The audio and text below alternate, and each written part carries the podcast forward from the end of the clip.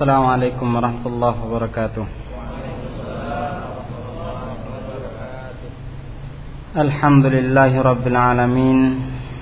نحمده ونستعينه ونستغفره ونتوب إليه ونعوذ به من شرور أنفسنا وسيئات أعمالنا. من يهد الله فلا مضل له ومن يضلل فلا هادي له. أشهد أن لا إله إلا الله وأشهد أن محمدا عبده ورسوله صلى الله عليه وعلى آله وأصحابه ومن اهتدى بهداه. قال الله تعالى في القرآن الكريم يا أيها الذين آمنوا اتقوا الله حق تقاته. ولا تموتن إلا وأنتم مسلمون يا أيها الناس اتقوا ربكم الذي خلقكم من نفس واحدة وخلق منها زوجها وبث منهما رجالا كثيرا ونساء واتقوا الله الذي تساءلون به والأرحام إن الله كان عليكم رقيبا. يا أيها الذين آمنوا اتقوا الله وقولوا قولا سديدا. يصلح لكم أعمالكم ويغفر لكم ذنوبكم. ومن يطع الله ورسوله فقد فاز فوزا عظيما. kaum muslimin rahimakumullah pada pertemuan yang lalu kita sudah mulai menyebutkan beberapa kiat-kiat agar salat yang kita laksanakan dapat dilaksanakan dengan khusyuk.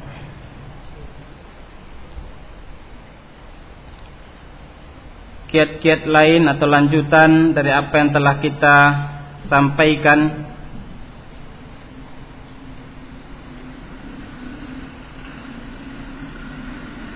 Selanjutnya yaitu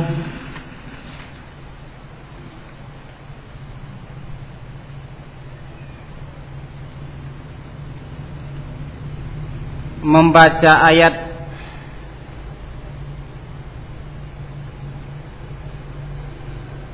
dengan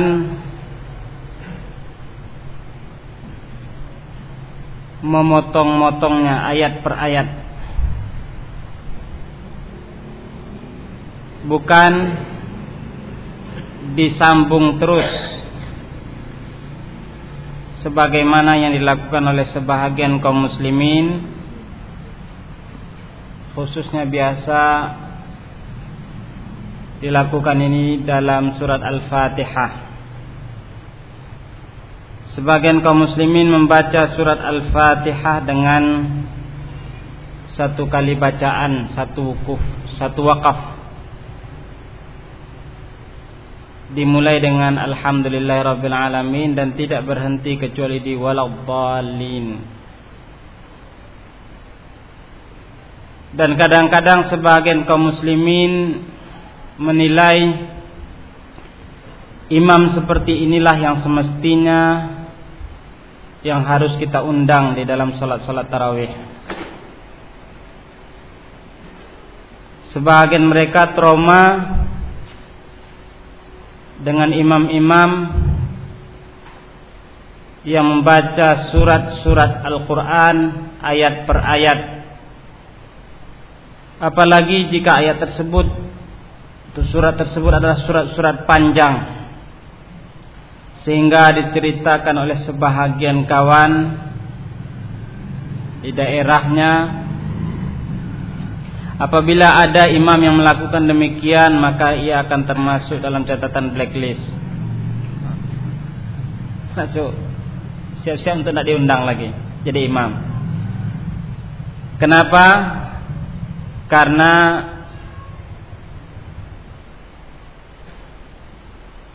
tidak cepat-cepat di dalam solat, tidak cepat-cepat di dalam bacaan, kemudian membaca bacaan-bacaan yang panjang. Padahal apabila kita lihat salat Rasulullah sallallahu alaihi wasallam maka kita akan tahu bahwasanya apa atau salat yang kita laksanakan ini tidak ada apa-apanya dibandingkan dengan salat Rasulullah sallallahu alaihi wasallam. Beliau membaca surat Al-Baqarah Al-Baqarah sampai-sampai sahabat yang di belakangnya merasa letih. Tatkala surat Al-Baqarah hampir selesai, dia berpikir mungkin ini adalah akhir dari surat itu kemudian ruku. Ternyata Rasulullah SAW lanjutkan ke Ali Imran dan begitu seterusnya sampai-sampai sahabat yang diceritakan di dalam hadis tersebut atau yang bercerita berniat untuk melakukan sebuah perbuatan yang tidak benar, tidak baik, itu keluar dari salat meninggalkan Rasulullah SAW. Ini menunjukkan betapa panjangnya bacaan Rasulullah SAW di dalam salat-salatnya. Muncul masalah, Ustaz. Tapi kami pernah dengar juga Ustaz-Ustaz lain membacakan hadis Rasulullah SAW juga bahwasanya beliau tidak menyukai orang yang membaca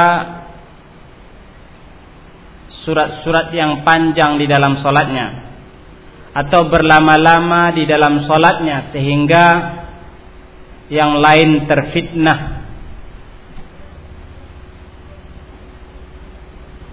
Maka suatu ketika ketika ada salah seorang sahabat yang membaca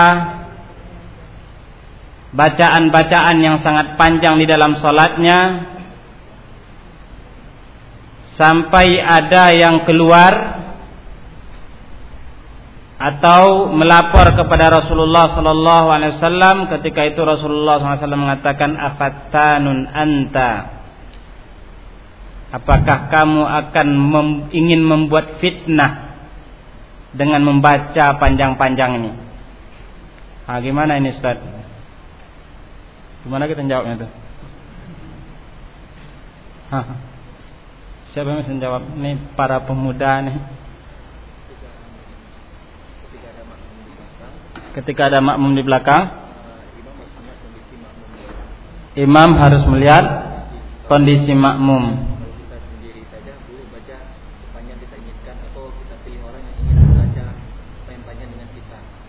Kalau kita sendiri silahkan baca panjang-panjang atau kalau seandainya yang di belakang kita adalah orang-orang yang ingin baca bacaan-bacaan yang panjang silahkan. Iya. Seperti itu nah itu nah itu insyaallah ini dalam rangka menggabungkan kedua hadis kedua riwayat yang kesemuanya berasal dari Rasulullah sallallahu alaihi wasallam Kenapa dilakukan demikian? Karena tidak mustahil kita akan mengatakan kalau begitu perkataan Rasulullah sallallahu alaihi wasallam antara satu dan yang lain bertentangan. Di lain riwayat Rasulullah sallallahu alaihi wasallam melarang menegur orang yang membaca bacaan-bacaan yang panjang. Di riwayat lain Rasulullah sallallahu alaihi wasallam ternyata membaca bacaan yang sangat panjang. Ini bertolak belakang antara apa yang dipraktekkan oleh Rasulullah dengan apa yang dia katakan. Nah, perlu ada pemahaman yang benar untuk memadukan antara kedua riwayat tersebut. Maka dikatakanlah seperti yang dikatakan oleh kawan kita tadi, saudara kita tadi. Sehingga tidak ada pertentangan antara riwayat-riwayat tersebut. Tidak ada pertentangan antara riwayat-riwayat tersebut. Ketika kita tidak tahu ini, tidak mustahil kita akan menuding hadis-hadis Rasulullah sallallahu alaihi wasallam dan mengatakan bahwasanya ada pertentangan antara sabda Rasulullah SAW yang satu dan yang lain dan tentunya itu tidak mungkin terjadi karena beliau adalah Rasul manusia yang la yantiqu anil hawa in huwa illa wahyu yuha. Semua yang dia ucapkan adalah wahyu. Kembali kita kepada pembahasan kita di antara kiat-kiat agar kita bisa khusyuk di dalam salat kita yaitu berupaya untuk memotong ayat per ayat.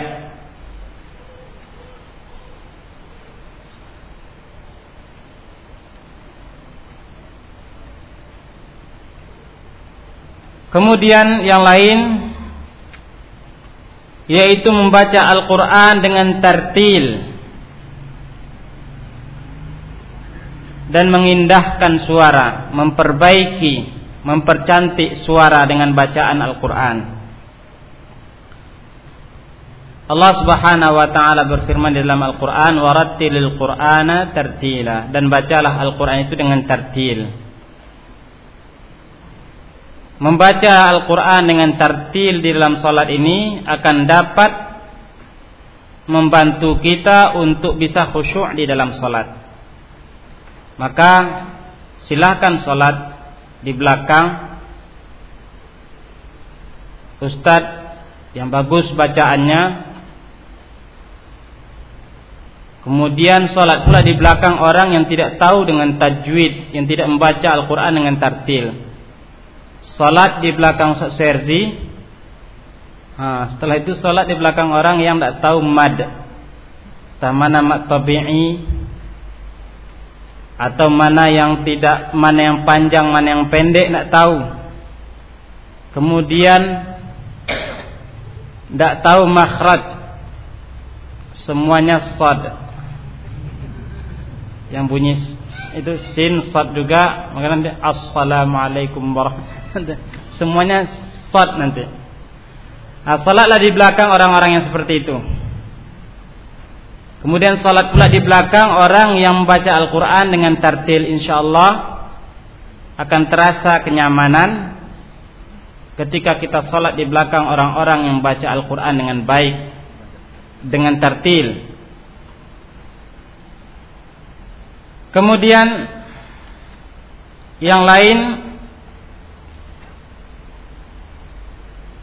menyadari bahwasanya Allah Subhanahu wa taala akan menjawab ayat-ayat yang dia baca, setiap ayat yang dia baca akan dijawab oleh Allah Subhanahu wa taala khususnya ketika dia membaca surat Al-Fatihah. Ketika dia tahu itu bahwasanya dia tengah berdialog dengan Allah Subhanahu wa taala, insyaallah dia akan khusyuk di dalam salatnya. Bagaimana tidak? Karena dia sadar dan tahu merasa bahwanya dia tengah berdialog dengan Rabbul Alamin. Di dalam sebuah hadis Rasulullah sallallahu alaihi wasallam bersabda, "Qala Allah azza wa jal" Allah Subhanahu wa taala berfirman. Nah, gimana ini? Rasulullah SAW bersabda, Allah Subhanahu wa taala berfirman. Gimana itu? Hadis kursi ya. Itu namanya hadis kursi.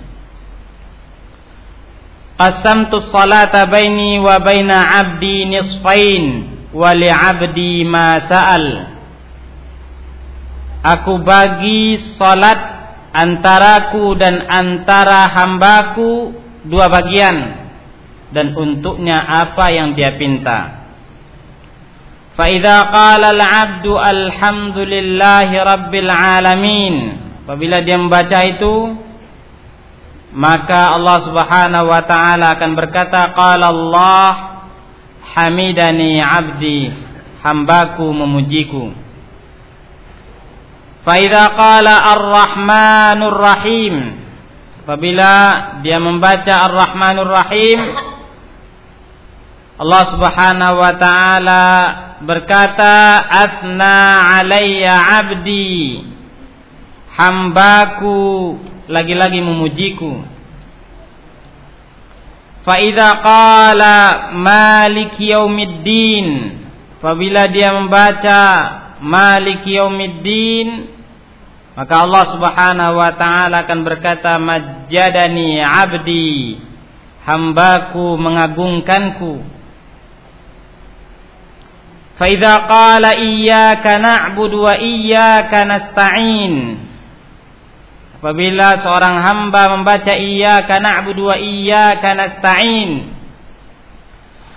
Allah Subhanahu wa taala berkata hadza baini wa baina 'abdi wa li 'abdi ma sa'al ini adalah antaraku dan antara hambaku dan untuknya apa yang dia pinta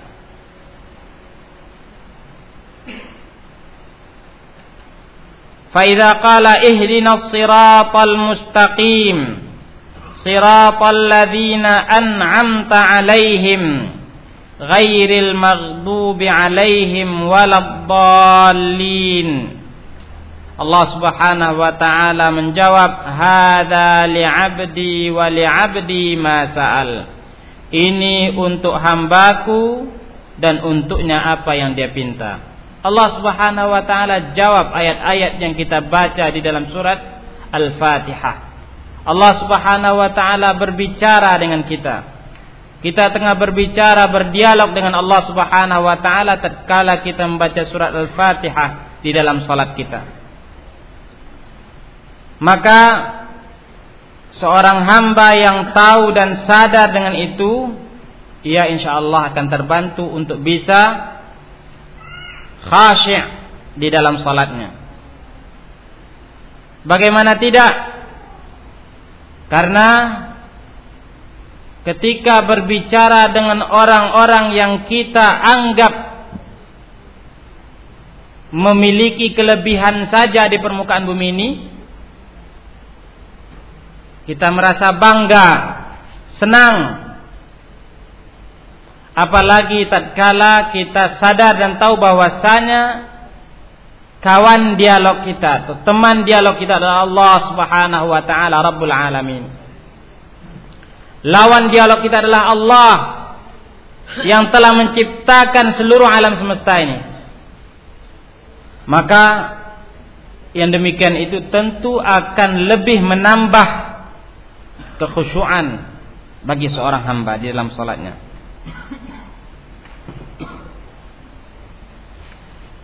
Yang lain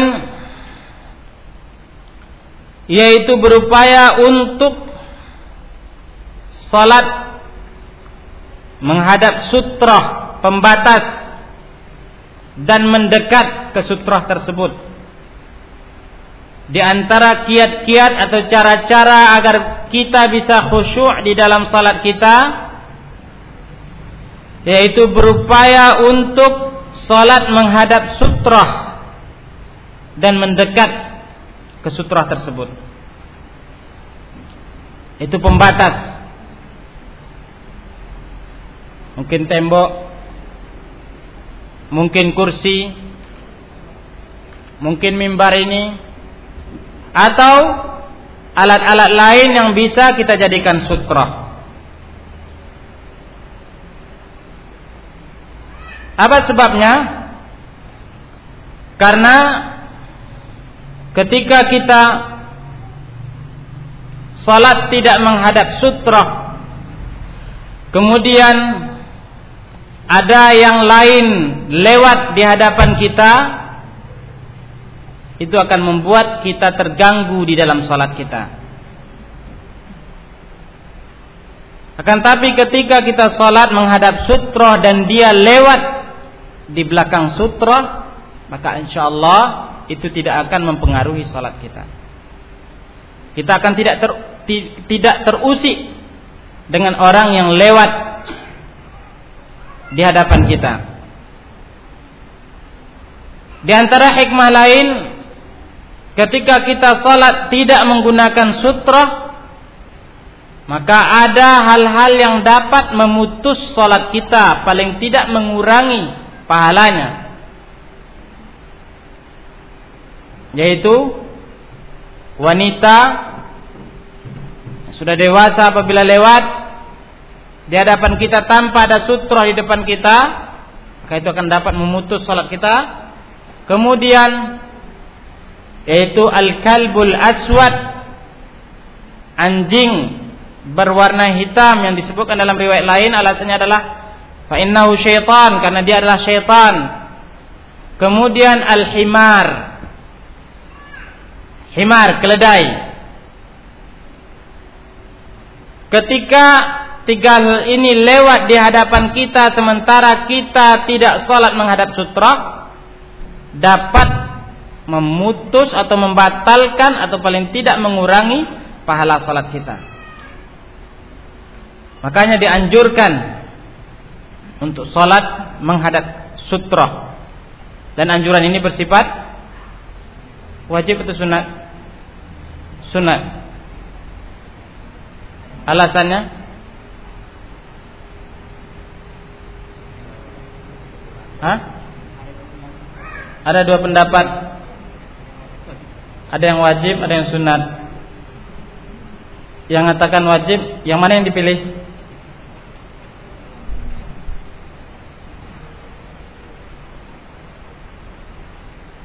Syekh bin Baz rahimahullah mengatakan bahwasanya hukumnya adalah sunat muakkad dan itu juga pendapat itu juga yang dipilih oleh guru kita itu guru pelajaran hadis. Apa alasannya? Di antara alasan-alasan beliau atau para ulama yang mengatakan bahwasanya itu adalah sunat muakkad bukan wajib karena di riwayat lain pernah dikatakan bahwasanya Rasulullah sallallahu alaihi wasallam di suatu tempat kalau tidak salah di Mina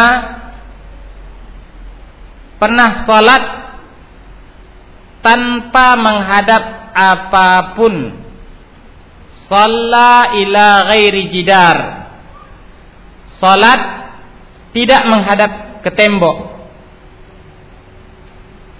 Tidak ada sutra di hadapannya Atas dasar ini Sebagian para ulama berpendapat bahwasanya sutroh itu adalah sunat muakkad. Dan perdebatan di antara para ulama dalam masalah itu masyhur yang mengatakan wajib mereka bantah lagi bahwasanya hadis itu tidak dapat untuk dijadikan bahwasanya Rasulullah SAW tidak menghadap sesuatu apa pun. Dan pembahasan itu dibahas oleh para ulama dalam kitab-kitab fikih sunnah tentunya. Silahkan dilihat.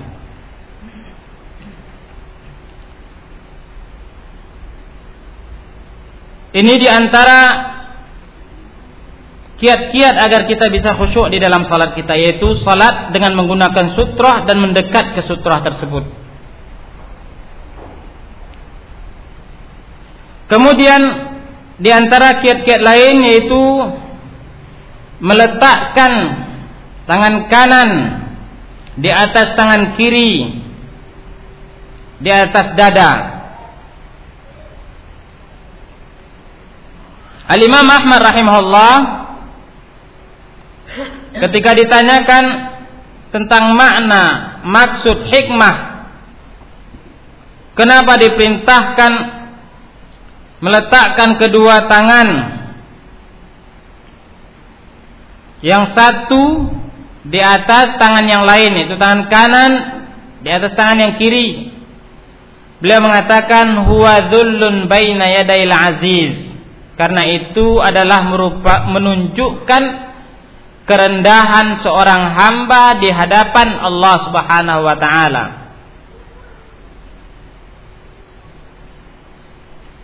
Ibnu Hajar rahimahullah berkata qala al ulama para ulama berkata al hikmatu fi hadhihi al hay'ah annaha sifatus sa'il adzalil karena yang demikian itu adalah merupakan sifat atau ciri-ciri tanda-tanda peminta yang rendah dan kita adalah rendah di hadapan Allah Subhanahu wa taala.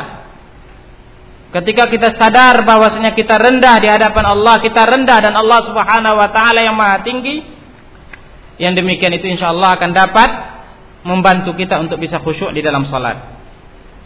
Kemudian yang lain yaitu melihat ke arah sujud, ke tempat sujud dalam sebuah hadis yang diriwayatkan oleh Aisyah radhiyallahu anha, beliau berkata, "Kana Rasulullah sallallahu alaihi wasallam idza shalla ta'a ra'sah wa rama bi basarihi nahwal ard." Adalah Rasulullah sallallahu alaihi wasallam apabila salat beliau menundukkan kepalanya dan mengarahkan pandangnya ke arah tanah bukan ke atas dan bahkan itu dilarang oleh Rasulullah sallallahu alaihi wasallam.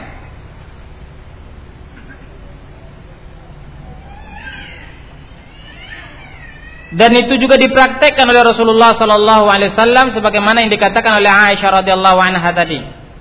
Yaitu melihat ke bawah, menunduk, mengarahkan pandangan ke arah sujud. Muncul masalah. Ustaz. Apa hukumnya kalau seandainya kita memejamkan mata waktu sholat? Karena saya seperti itu lebih khusyuk rasanya. Jadi saya tidak melihat mengarahkan mata saya ke tanah atau ke tempat sujud. Tapi saya pejamkan mata saya. Karena dengan demikian saya akan lebih mudah untuk khusyuk di dalam sholat Pembahasan ini disebutkan atau disinggung oleh pengarang kitab. Beliau menjelaskan bahwasanya memejamkan mata di dalam salat dengan alasan-alasan demikian itu menghilangkan pahala yang banyak yang semestinya insyaallah kita dapatkan di dalam salat kita. Kenapa? Karena ketika kita salat dengan menundukkan kepala dan mengarahkan pandangan ke arah tanah dengan niat mengikuti sunnah Rasulullah SAW, insya Allah kita akan mendapatkan pahala ittiba sunnah, mengikuti sunnah. Akan tapi ketika itu tidak kita lakukan dengan alasan-alasan lain, maka akan luput hilang pahala ittiba sunnah yang semestinya kita dapatkan. Hanya saja Ibnul Qayyim rahimahullah menyebutkan kecuali apabila di hadapan kita ada sesuatu yang dapat mengganggu kita sehingga kita tidak bisa khusyuk di dalam salat. Mungkin karena ada gambar-gambar atau yang semisalnya yang membuat kita terganggu di dalam salat kita. Kalau seandainya memejamkan mata lebih menambah kita khusyuk, lebih dapat membuat kita khusyuk di dalam salat dalam keadaan-keadaan seperti itu, maka yang demikian itu insya Allah lebih baik untuk dilakukan. Kenapa? Karena intinya di dalam salat adalah khusyuk di dalam salat. Akan tapi ketika gambar-gambar atau yang semisalnya itu ada di hadapan kita kemudian kita tidak bisa untuk mengelak dan membuat kita terganggu maka tentunya kalau seandainya memejamkan mata lebih baik lebih dapat membuat kita khusyuk itu insya Allah tidak apa-apa untuk dilakukan. Itu dinukil oleh pengarang kitab dari Ibnul Qayyim rahimahullah Ya sebenarnya mudah aja Ustaz. Jangan sholat menghadap gambar katanya. Salah sendiri kan kenapa sholat menghadap gambar? Kita katakan bisa saja itu terjadi kadang-kadang tanpa kita inginkan. Sebagai contoh misalnya, tatkala kita salat berimam-imaman dan kita datang terlambat. Sementara orang yang di depan kita atau saf yang akan kita tempati di depan uh, orang di depan kita itu menggunakan baju-baju yang bergambar. Baju yang bergambar. Di saat-saat seperti ini dan itu tidak mustahil terjadi kalau seandainya dengan tetap membuka mata akan dapat membuat kita terganggu sehingga berpikir yang macam-macam di dalam salat kita maka dibolehkan untuk menutup mata. Kalau seandainya itu lebih dapat membuat kita khusyuk di dalam salat. Kemudian di antara cara-cara lain yaitu menunjuk ketika tasyahud dengan jari telunjuk.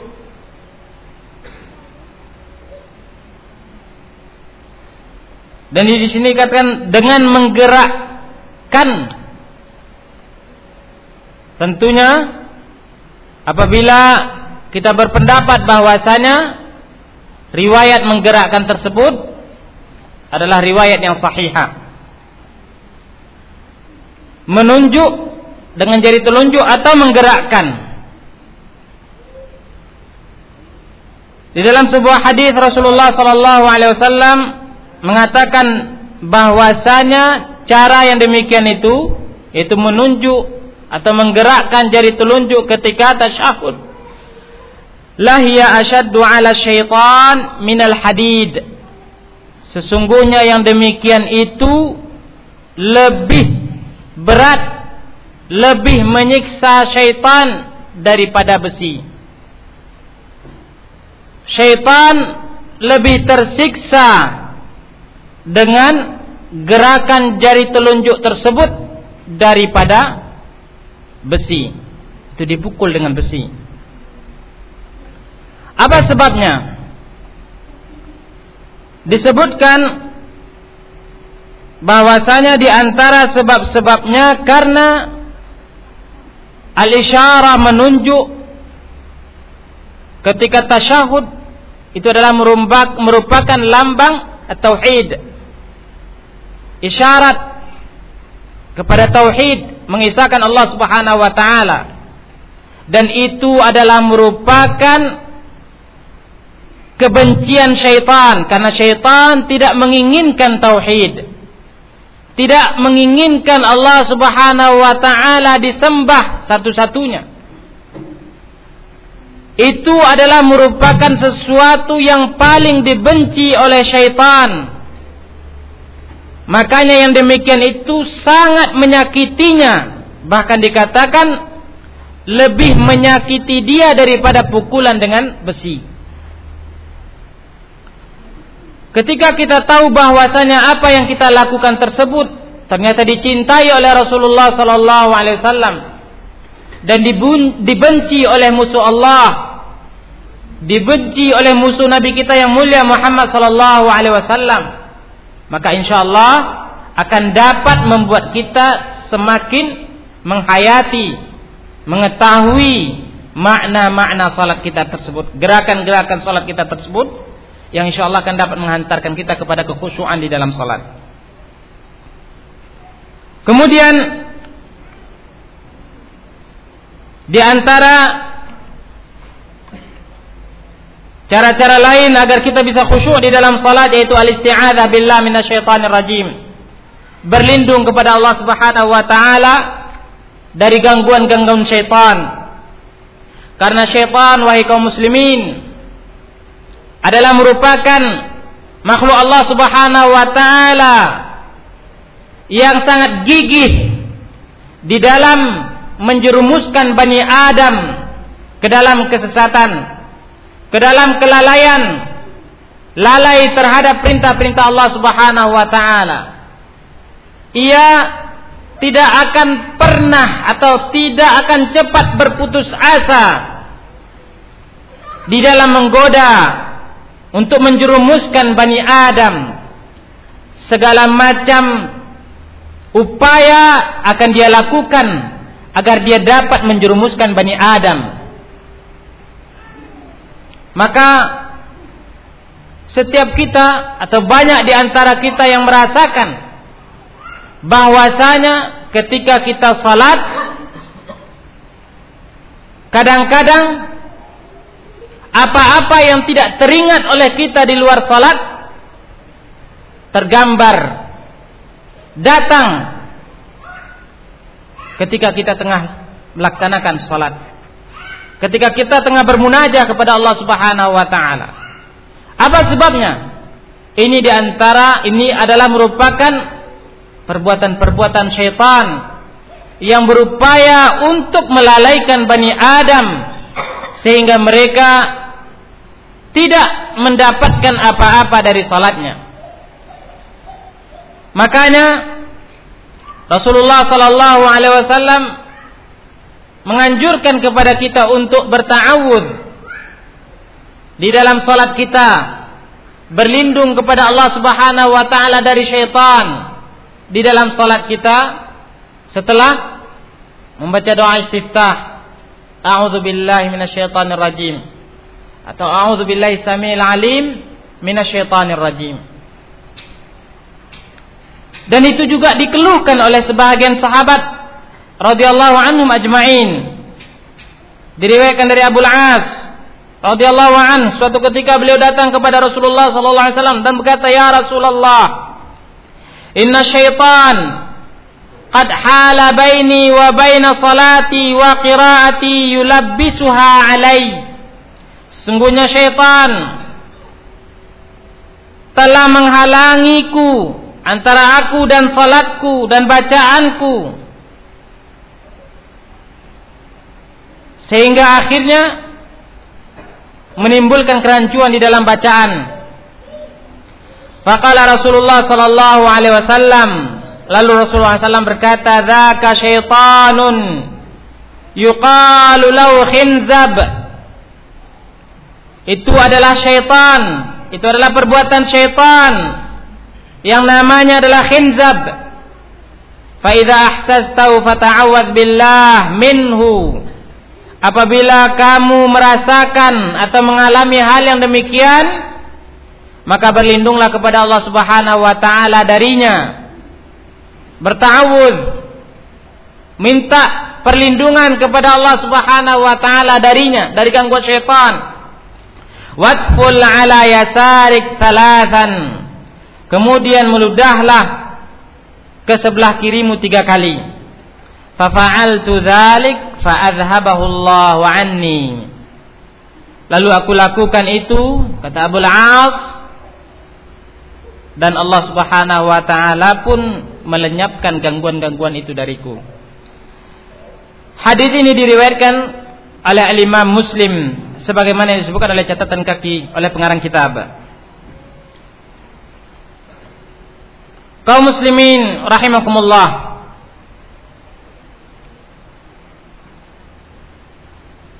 Setiap kita tentunya punya pengalaman-pengalaman khusus atau punya pengalaman-pengalaman yang banyak ketika tengah melaksanakan salat bermunajah kepada Allah Subhanahu wa taala. Kadang-kadang kita merasakan bahwasanya yang salat yang kita lakukan salat yang kita lakukan di dalam kehidupan kita sehari-hari tidak memiliki pengaruh yang banyak. Kadang-kadang berbeda antara satu salat dengan salat yang lain. Satu saat kita merasa khusyuk, kita merasa nyaman, kita merasa tenang dan senang dengan salat tersebut. Dan kadangkala salat yang kita lakukan tidak memberikan atau meninggalkan bekas apa-apa di dalam kehidupan kita sehari-hari. Apabila kita merasakan itu, maka ketahuilah bahwasanya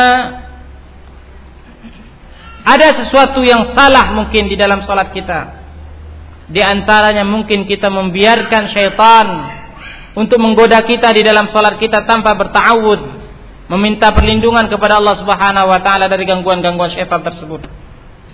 Maka laksanakanlah apa yang telah disunnahkan oleh Rasulullah sallallahu alaihi wasallam yaitu bertawud meminta perlindungan kepada Allah Subhanahu wa taala dari gangguan syaitan karena sungguhnya hanya Allah Subhanahu wa taala satu-satunya lah yang akan dapat melindungi kita dari gangguan-gangguan syaitan.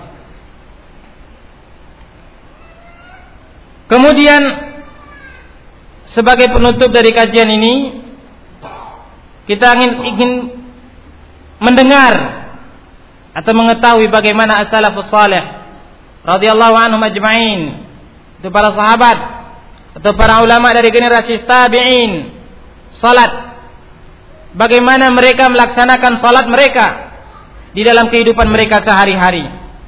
Bagaimana mereka menikmati salat-salat mereka di dalam kehidupan mereka sehari-hari. Di antara sahabat sahabat Rasulullah sallallahu alaihi wasallam yang diceritakan oleh para ulama tentang keindahan salatnya adalah Ibnu Zubair. Disebutkan bahwasanya Ibnu Zubair apabila tengah berdiri untuk melaksanakan salat diibaratkan bahwasanya beliau seolah-olah seperti kayu yang tengah ditancapkan. Kokoh tidak bergerak. Suatu ketika sahabat-sahabatnya lewat berpapasan dengan beliau di belakang makam Ibrahim. Dia tengah berdiri di belakang makam Ibrahim, salat menghadap Ka'bah. Ketika itu diceritakan oleh sahabatnya, saya lihat beliau tidak bergerak sedikit pun seolah-olah dia adalah sebuah kayu yang tidak tergerakkan karena ditancapkan dengan kokoh. Di antara sahabat-sahabat lain yang juga diceritakan oleh para ulama tentang keindahan salat-salat mereka. Yaitu Ali bin Abi Thalib radhiyallahu an. Disebutkan bahwasanya Ali bin Abi Thalib idza hadaratis shalah yatazalzal wa yatalawwan wajhuh. Apabila apabila beliau telah menghadiri salat berubah wajahnya.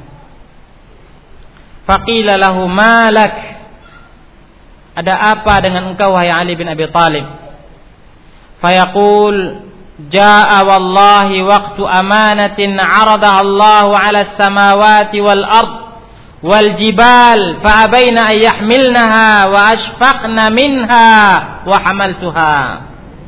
Beliau menjawab inilah saatnya. Telah datang masanya waktunya. Apa itu itu waktu di mana Allah Subhanahu wa taala menawarkan amanah kepada langit kepada bumi kepada gunung-gunung. Allah Subhanahu wa taala tawarkan kepada mereka untuk melaksanakan perintah-perintah Allah. Apabila kalian lakukan maka kalian akan mendapatkan pahala dan apabila kalian tidak akan melakukan maka kalian akan diazab. Mereka enggan. Mereka tidak mau untuk menerima tawaran dari Allah Subhanahu wa taala. Kenapa? Karena mereka merasa tidak sanggup untuk itu. As-samawat merasa tidak sanggup. Al-ard merasa tidak sanggup untuk menunaikan amanah dari Allah itu. Al-jibal yang begitu kokohnya tidak sanggup untuk melaksanakan amanah dari Allah Subhanahu wa taala. Fa minha wa hamaltuha. Sementara aku dan kita seluruh manusia menyanggupinya. Langit bumi, gunung-gunung ketika ditawarkan oleh Allah Subhanahu wa taala untuk melaksanakan perintah-perintahnya. Ini takalif. Ini perintah-perintahku, larangan-laranganku. Apabila kalian lakukan maka kalian akan mendapatkan pahala. Apabila kalian tidak melakukan atau melanggarnya maka kalian akan mendapatkan dosa. Allah Subhanahu wa taala tawarkan kepada mereka. Akan tapi mereka merasa tidak sanggup untuk menerima tawaran dari Allah Subhanahu wa taala karena beratnya tawaran Allah. Sementara manusia zalum yang suka berbuat zalim menerima tawaran dari Allah Subhanahu wa taala itu. Teringat dengan itu maka beliau berupaya untuk bisa melaksanakan segala perintah-perintah Allah Subhanahu wa taala. Itulah yang menyebabkan kenapa berubah raut wajahnya. Kemudian di antara kisah-kisah lain yang menunjukkan betapa khusyuknya salafus saleh di dalam salat mereka dan mereka adalah qudwah teladan bagi kita di dalam salat-salat kita.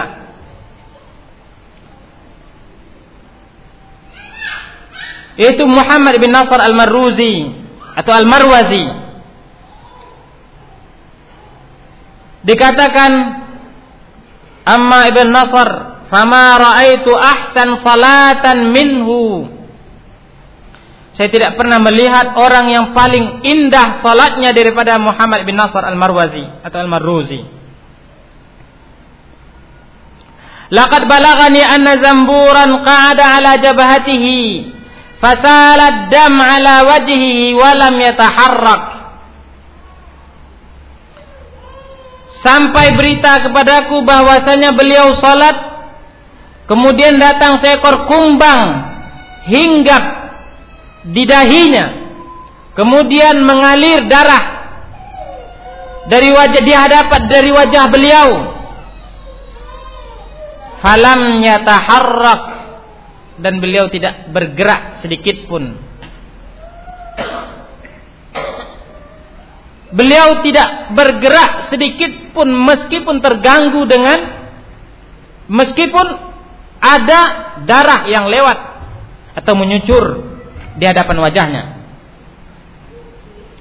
Dan itu juga yang dilakukan oleh sebahagian para ulama. Khalaf ibn Ayyub beliau berupaya untuk tidak bergerak ketika diganggu oleh lalat di dalam salatnya.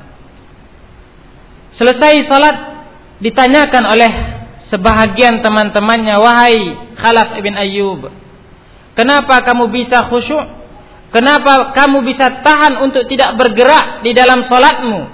Sementara engkau tengah diganggu oleh lalat. Sementara engkau diganggu oleh lalat-lalat tersebut.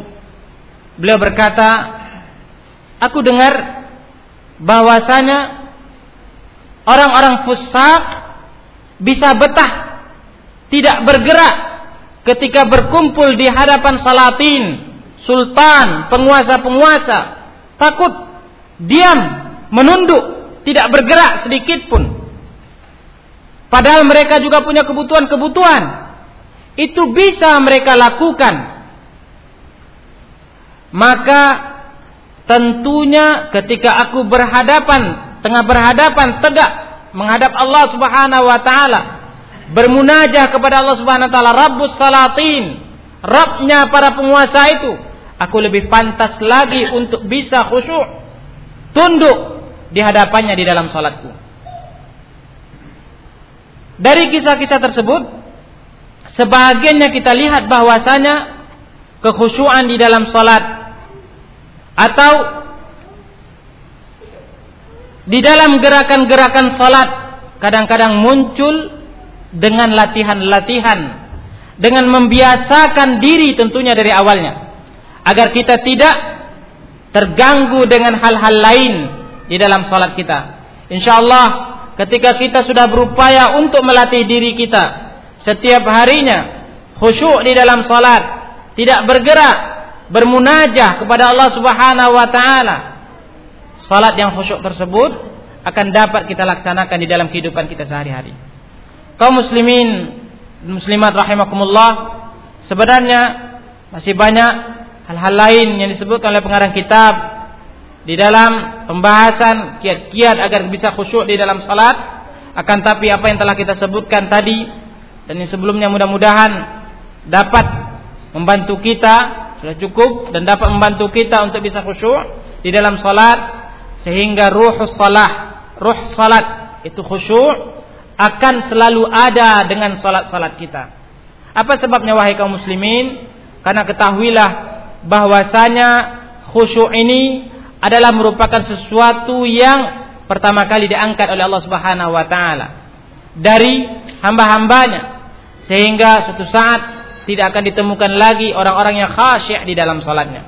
Mudah-mudahan kita termasuk di antara orang-orang yang Allah Subhanahu wa taala anugerahkan, Allah Subhanahu wa taala berikan kepada kita kekhusyuan di dalam salat-salat kita. Amin ya rabbal alamin. Mungkin itu saja. Subhanakallahumma bihamdika asyhadu an la ilaha illa anta astaghfiruka wa atubu ilaik. Assalamualaikum warahmatullahi wabarakatuh.